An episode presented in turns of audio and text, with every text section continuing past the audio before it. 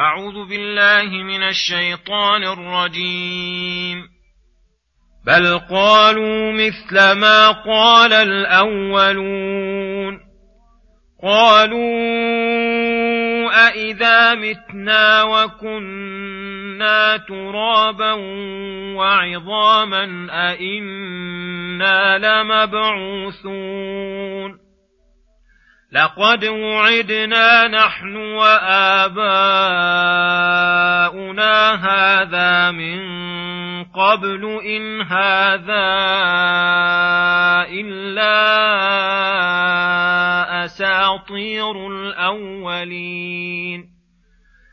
قل لمن الأرض ومن فيها كنتم تعلمون. سيقولون لله قل أفلا تذكرون. قل من رب السماوات السبع ورب العرش العظيم. سيقولون لله قل أفلا تتقون.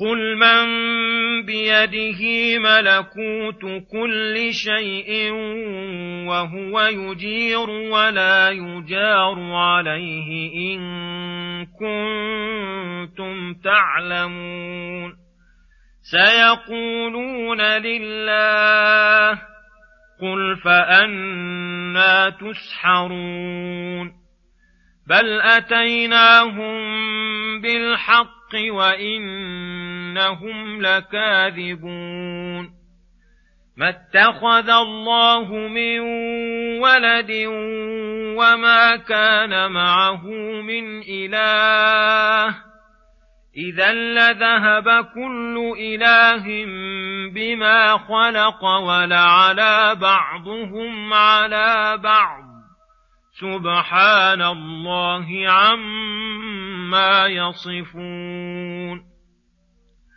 عالم الغيب والشهادة فتعالى عما يشركون.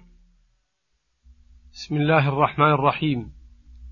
السلام عليكم ورحمة الله وبركاته. يقول الله سبحانه بل قالوا مثل ما قال الأولون الآيات.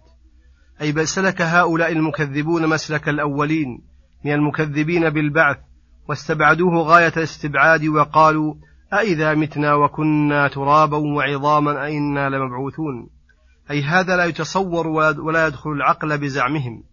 لقد وعدنا نحن وآباؤنا هذا من قبل. أي ما زلنا نوعد بأن البعث كائن. نحن وآباؤنا ولم نره ولم يأت بعد. إن هذا إلا أساطير الأولين. أي قصصهم وأسمارهم التي يتحدث بها وتلهي وإلا فليس لها حقيقة. وكذبوا قبحهم الله. فإن الله أراهم من آياته أكبر من البعث.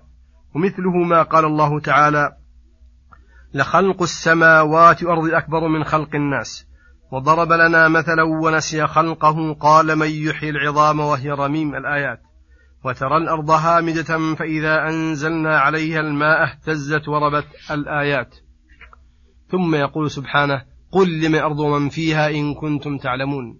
أي قل لهؤلاء المكذبين بالبعث العادلين بالله غيره محتجا عليهم بما أثبتوه وأقروا به من توحيد الربوبية وانفراد الله بها على ما أنكروه من توحيد إلهية العبادة وبما أثبتوه من خلق المخلوقات العظيمة على ما أنكروه من إعادة الموت الذي هو أسهل من ذلك.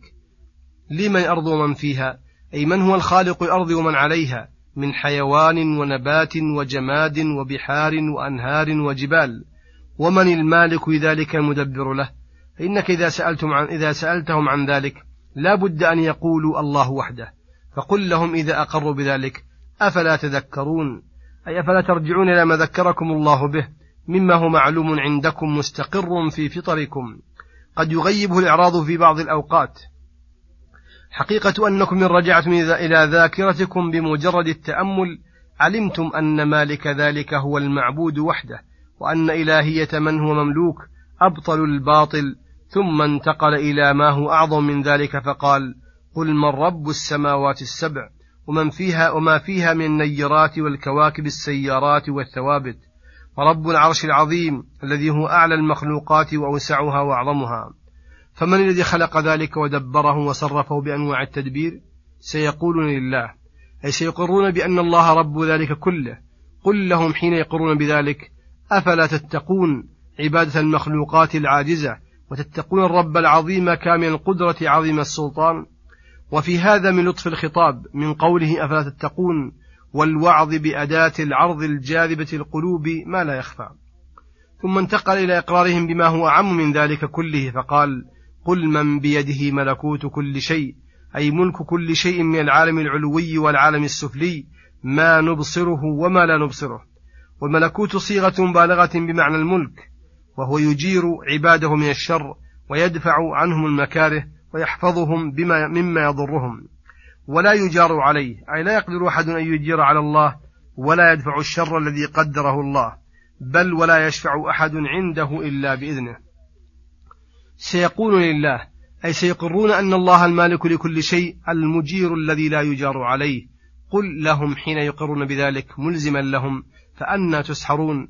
أي فأين تذهب عقولكم حيث عبدتم من علمتم أنهم لا ملك لهم ولا قسط من الملك وأنهم عاجزون عن من جميع الوجوه. وتركتم الإخلاص للمالك العظيم القادر المدبر لجميع الأمور. فالعقول التي دلتكم, دلتكم على هذا لا تكون إلا مسحورة وهي بلا شك قد سحرها الشيطان بما زين لهم وحسن لهم وقلب الحقائق لهم فسحر عقولهم كما سحرت السحرة أعين الناس. ثم يقول تعالى بل أتينا هؤلاء المكذبين بالحق المتضمن الصدق في الأخبار العدل في الأمر والنهي فما بالهم لا يعترفون به وهو حق أن يتبع وليس عندهم ما يعوضهم عنه إلا الكذب والظلم. ولهذا قال وإنهم لكاذبون. ما اتخذ الله من ولد وما كان معه من إله. كذب يعرف بخبر الله وخبر رسله. ويعرف بالعقل الصحيح. ولهذا نبه تعالى على الدليل العقلي على امتناع إلهين فقال إذا أي لو كان معه آلهة كما يقولون لذهب كل إله بما خلق أي لانفرد كل واحد من إلهين مخلوقاته واستقل بها ولحرص على ممانعة الآخر ومغالبته ولا على بعضهم على بعض فالغالب يكون هو الإله. فمن التمانع لا يمكن وجود وجود العالم ولا يتصور أن ينتظم هذا الانتظام المدهش للعقول واعتبر ذلك بالشمس والقمر والكواكب الثابتة والسيارة فإنها منذ خلقت وهي تجري على نظام واحد وترتيب واحد كلها مسخرة بالقدرة مدبرة بالحكمة لمصالح الخلق كلهم. ليست مقصورة على أحد دون أحد ولن ترى فيها خللا ولا تناقضا ولا معارضة في أدنى تصرف. فهل يتصور أن يكون ذلك تقدير إلهين ربين. سبحان الله عما يصفون. قد نطقت بلسانها بلسان حالها وأفهمت ببديع أشكالها أن المدبر لها إله واحد كامل الأسماء والصفات. قد افتقرت إليه جميع المخلوقات في ربوبيته لها وفي إلهيته لها. فكما لا وجود لها ولا دوام إلا بربوبيته كذلك لا صلاح لها ولا قوام إلا بعبادته وإفراده بالطاعة. ولهذا نبه على عظمة صفاته بنموذج من ذلك وهو علمه المحيط, المحيط فقال عالم الغيب أي الذي غاب عن أبصارنا وعلمنا من الواجبات والمستحيلات والممكنات والشهادة وهو ما نشاهده من ذلك فتعالى أي ارتفع وعظم عما يشركون به ولا علم عندهم إلا ما علمه الله وصلى الله وسلم على نبينا محمد وعلى آله وصحبه أجمعين. إلى الحلقة القادمة غدا إن شاء الله. والسلام عليكم ورحمة الله وبركاته.